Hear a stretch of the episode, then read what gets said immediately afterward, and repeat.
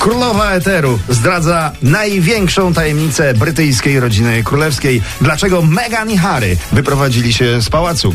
Okazało się, że właścicielem pałacu jest Tak? Daniel Obajtek.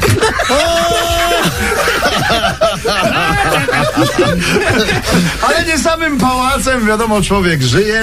No zwłaszcza, że Pipa urodziła. O, No wina, no, co, co 15 minut na porodówkach dzieją się takie rzeczy. No, ale Królowo. wśród nich najważniejsza Pipa Middleton Mi- urodziła. A, no Proszę, to cały widzisz. świat się cieszy. Gratulujemy. Wszyscy gratulują, Witamy my też na oczywiście świecie, gratulujemy. zdecydowanie. Słuchajcie, Małgosia Rozenek ma kapcie No, kapcie w mhm. ma. cenie emerytury. No.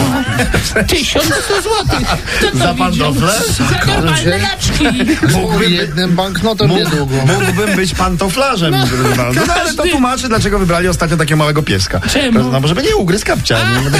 Taki ma mały Poproszę, pyszczek. No. Słuchajcie, Borys Szyc Tak? przeszedł na dietę, a gdzie? czy to przypadkiem Brawo, Tak. ostatnio pan Borys nie był w reklamie burgerów? A przypadek?